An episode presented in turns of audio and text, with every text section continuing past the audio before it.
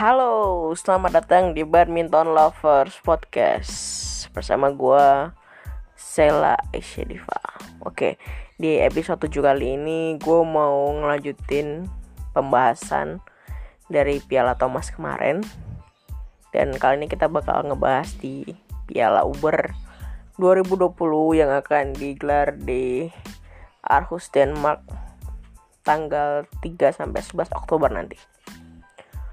Sama seperti Piala Thomas, Piala Uber juga Indonesia dan Malaysia menempati grup yang sama, tapi bisa dibilang di Piala Uber kali ini itu lebih ke grup neraka ya, karena ada Korea Selatan di sana yang menjadi negara salah satu negara dikuasa di sektor putri.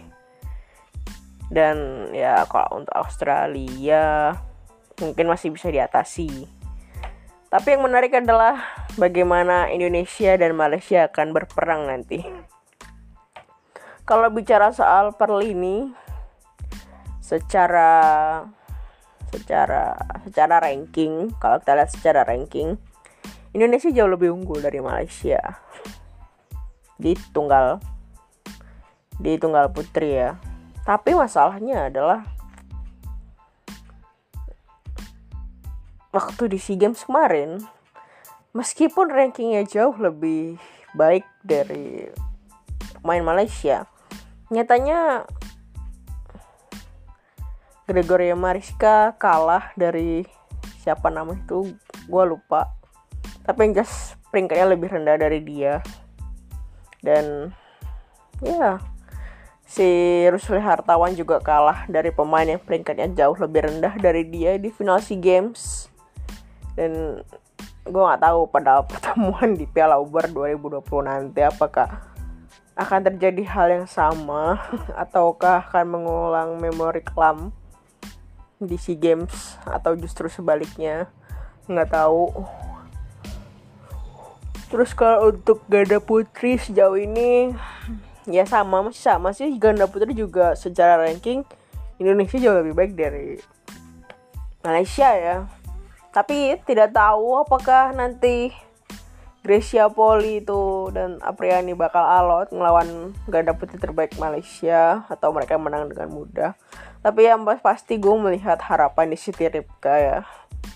Ya semoga mereka bisa tampil konsisten di Piala Uber dan paling enggak bantu untuk ngebawa Indonesia paling enggak jadi mentok-mentok jadi runner up syukur-syukur bisa jadi juara grup tapi nggak tahu ya.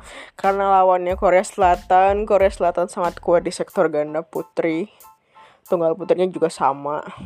Jadi ya satu-satunya cara adalah menjadi runner up atau ya kalau ada kejadian misalnya jadi juara grup. Kalau soal peluang sih sejauh ini gue bilang Indonesia Malaysia itu untuk Piala Uber 50-50 ya karena ada beberapa alasan. Pertama sektor tunggal putrinya masih belum konsisten masih naik turun performanya dan sejauh ini belum memberikan perubahan yang signifikan. Ya kita harapkan dengan adanya generasi muda nanti generasi-generasi muda yang akan tumbuh. Seenggak-enggaknya sektor tunggal putri Indonesia mulai ada harapan lah ya.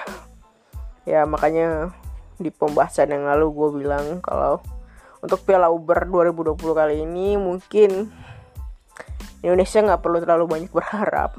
Tapi bisa dijadikan acuan untuk menyiap, menyiapkan tim Piala Uber terbaik di tahun 2022 atau enggak maksimal-maksimalnya di Piala Uber tahun 2024 di Paris. Paris atau mana? Nggak tahu.